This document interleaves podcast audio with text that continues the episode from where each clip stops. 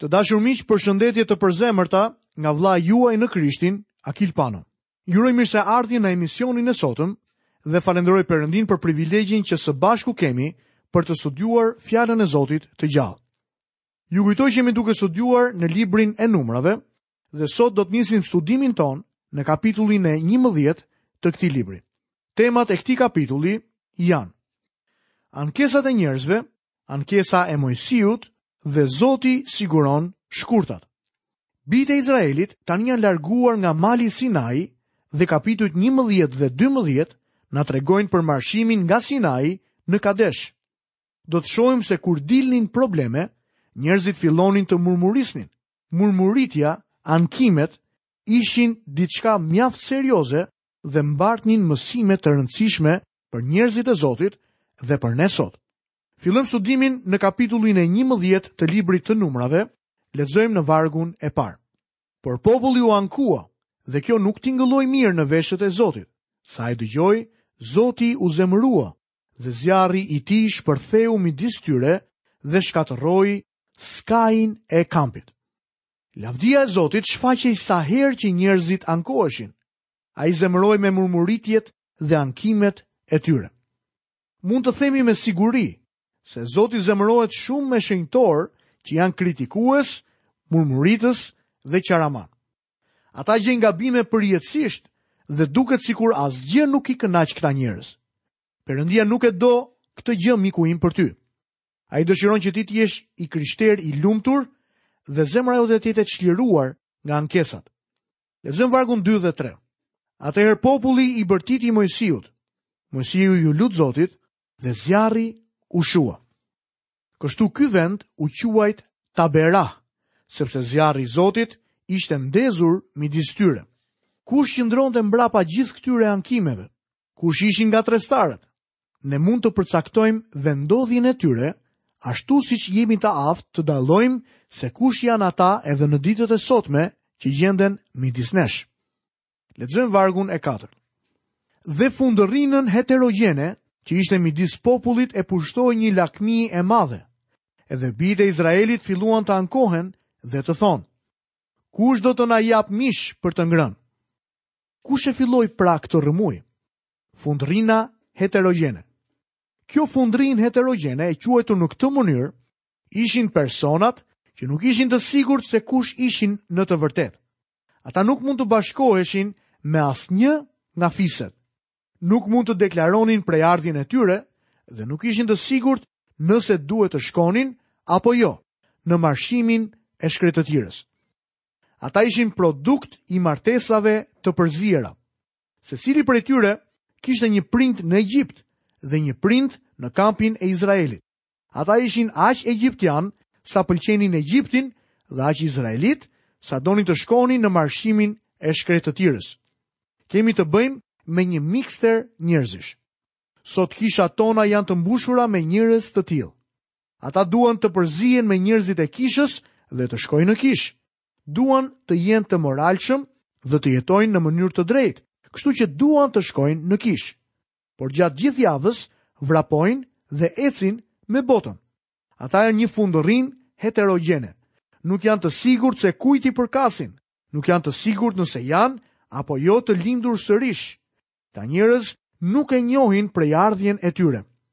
Gjatë gjithë viteve të mia si pastor, kam zbuluar se ngatërrestarët e vërtetë në kishë janë fundërrinat heterogjene. Ata janë bashkudhëtarë me botën dhe me njerëzit e kishës. Atyre u pëlqejnë banketet e kishave, por jo studimet biblike. Nuk duan të marshojnë para afër me arkën e Zotit, por mbrapa sepse nuk janë të sigurt nëse duan të vazhdojnë apo duan të kthehen prapa. Këta njerëz nuk janë të qartë se çfarë ata besojnë. Nuk janë kurrë të lumtur kur të tjerët përjetojnë kohëra të vërteta bekimesh shpirtërore. Nuk ndihen rahat as në kishë dhe as në botë. Thjesht nuk përshtaten dot. Janë ngatërrestarë për shkak se nuk ndihen rahat. Ndodhen në shkretëtirë. Çfarë mendoni se kërkonin? Dëgjojini. Lexojmë vargun 5 dhe 6. Nuk i harrojmë peshqit që i hanim falas në Egjipt, kastravecat, pjeprat, preshin, qepët dhe hudhrat. Por tani e tërë qenia jonë ka shteruar, para syve tanë nuk ka asgjë tjetër, veç kësaj mane. Vini re se për çfarë i kishte marrë malli këta njerëz. Gjithçka që u mungonte përveç peshkut ishin erëzat. Ata nuk mund të zinin peshq në shkretëtirë. Dhe pikërisht në këtë moment kujtojnë peshkun që hanin në Egjipt. Aty ata mund të hanin peshk sa të donin. Mendoj se në Egjipt peshku mund t'u ishte mërzitur se e hanin shumë shpesh, por tani e kujtojnë me kaq shumë nostalgji. Ata filluan të lakmonin. Bijtë e Izraelit u infektuan nga këto ankesa dhe filluan të qanin përgjatë rrugës bashkë me fundërrinën heterogjene.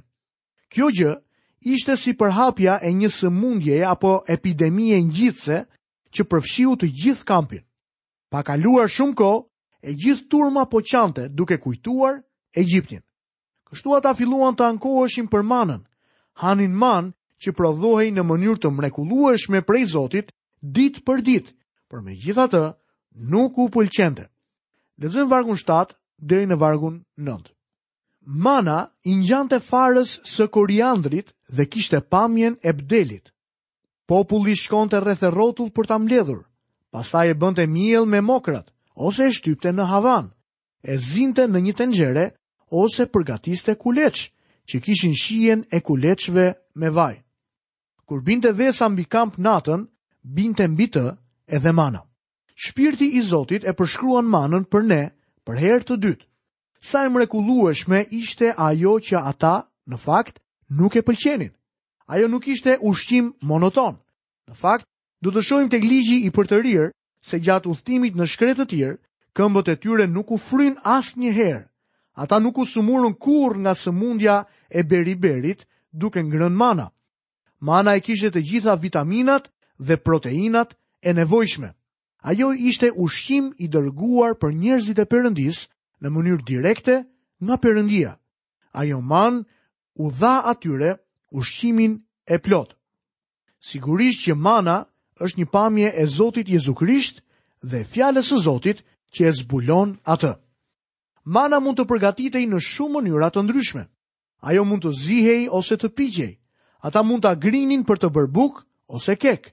Me siguri gruaja e Moisiut duhet të kishte hartuar një libër guzhine me 101 receta për manën. Shpirti i Zotit po thotë se ky ishte një ushqim i shëndetshëm, i mrekullueshëm dhe megjithatë, bijtë e Izraelit po e përbuznin.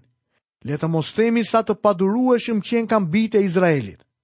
Ajo manë i referohet Krishtit. Si ndihesh ti për të sot? A je lodhur me të? Shumë të krishterë lodhen me manën. Shumë njerëz lodhen me studimet biblike.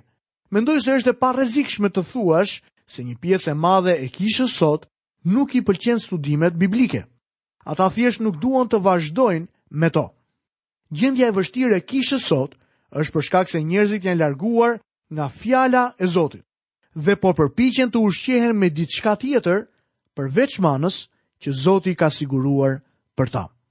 Le të lexojmë më poshtë nga vargjet 10 deri në vargun e 15. Por Mojsiu dëgjoi popullin që ankohej në të gjitha familjet e tij, secili në hyrje të çadrës së vet. Zemërimi i Zotit shpërtheu me të madhe dhe kjo nuk i pëlqeu aspak edhe Mojsiut.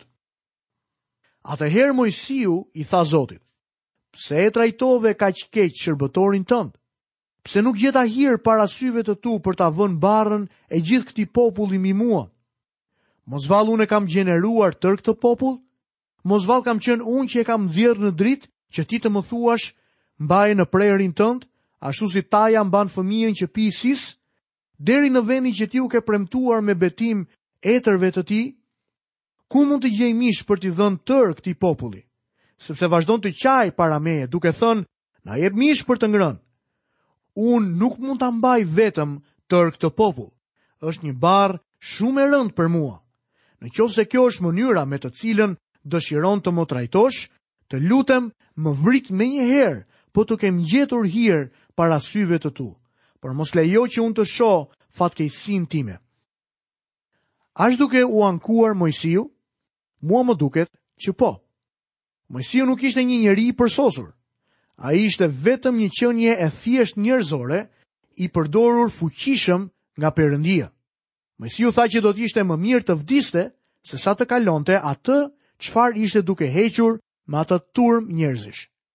Njoh disa pastorë që kanë pësuar dëmtime nervore dhe madje ulçer në stomak. Njoh gjithashtu edhe disa njerëz që e kanë lënë fare shërbesën. Ata kanë bërë të njëjtën gjë që Mojsiu bëri. I janë ankuar Zotit që barra ka qenë tepër e madhe. Ata janë lodhur duke dëgjuar kritikat, ankesat, rënkimet dhe vështirësitë. Le të shohim më poshtë, vargun e 16. Atëherë Zoti i tha Mojsiut, Mblidhmë 70 njerëz nga pleqtë e Izraelit, që ti i njeh si pleq të popullit dhe funksionarë të tij.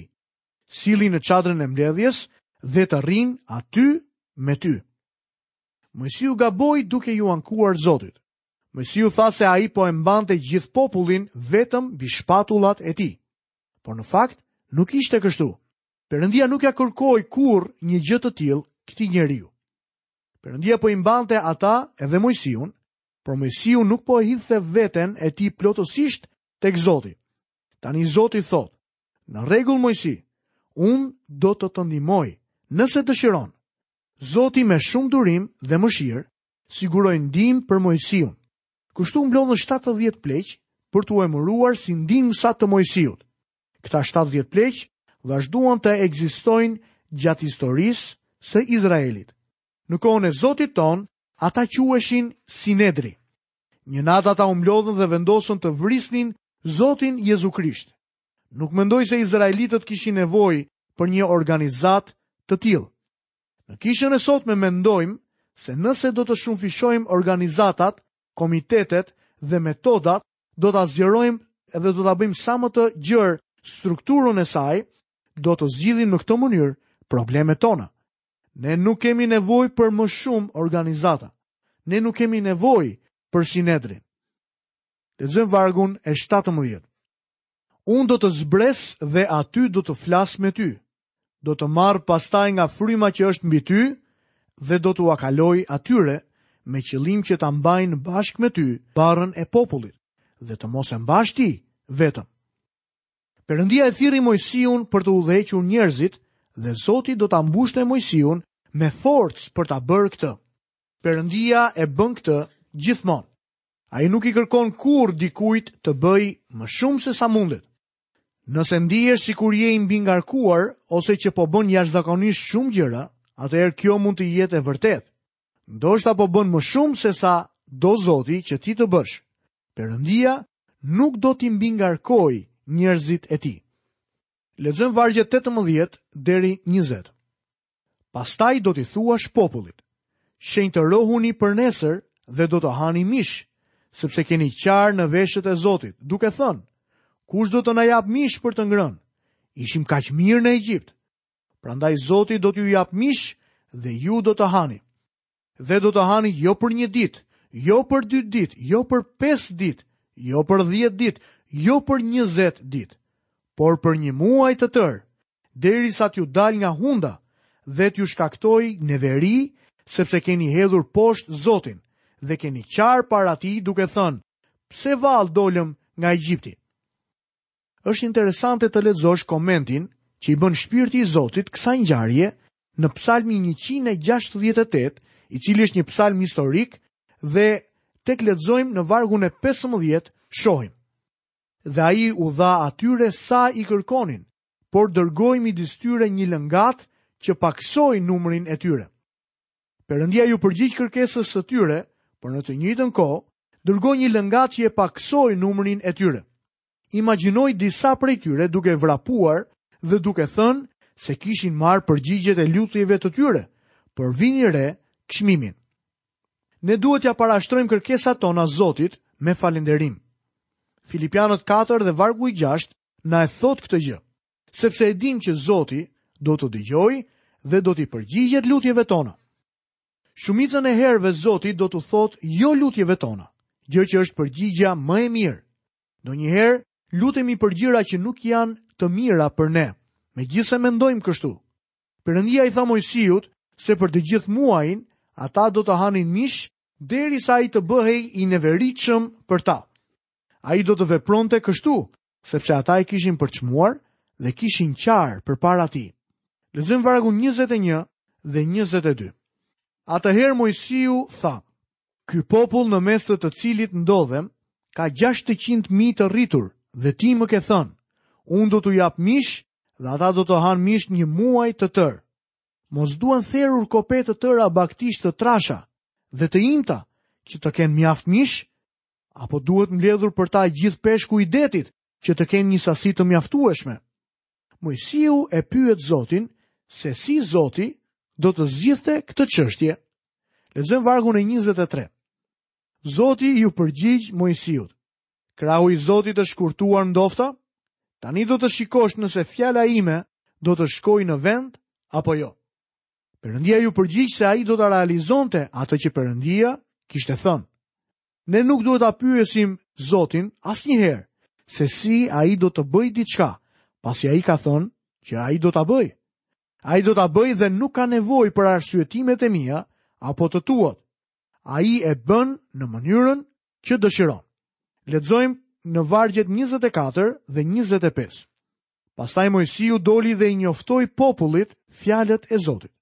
Mblodhi pastaj 70 njerëz, pleq të popullit, dhe i vendosi rreth e qark çadrës së mbledhjes. Atëherë Zoti zbriti në renë dhe i foli atij. Mori nga fryma që qëndronte mbi të dhe e çoi mbi të 70 pleqtë. Por kur fryma u vu mbi ta, ata bënë profeci megjithëse më vonë nuk bënë më. Por dy njerëz, njëri quhej Eldad dhe tjetri Medad, kishin mbetur në kamp dhe fryma u vu edhe mbi ta. Këta ishin ndër të regjistruarit, por nuk kishin dalë për të shkuar në çadër megjithëse bënë profeci në kamp. Një djalë shkoi me vrap t'ia rrëfejë këtë gjë Moisiut dhe i tha, Eldadi dhe Medadi po bëjnë profeci në kamp. Atëherë Jozueu biri i Nunit dhe shërbëtor i Moisiut Një nga të rinjtë e tij filloi të thotë, Moisi, im Zot, bëj që të heqin dorë. Por Moisiu iu përgjigj. Ndofta je xheloz për mua? Ah, le të ishin të gjithë profetë në popullin e Zotit dhe dhëntë Zoti që fryma e tij të vihet mbi ta.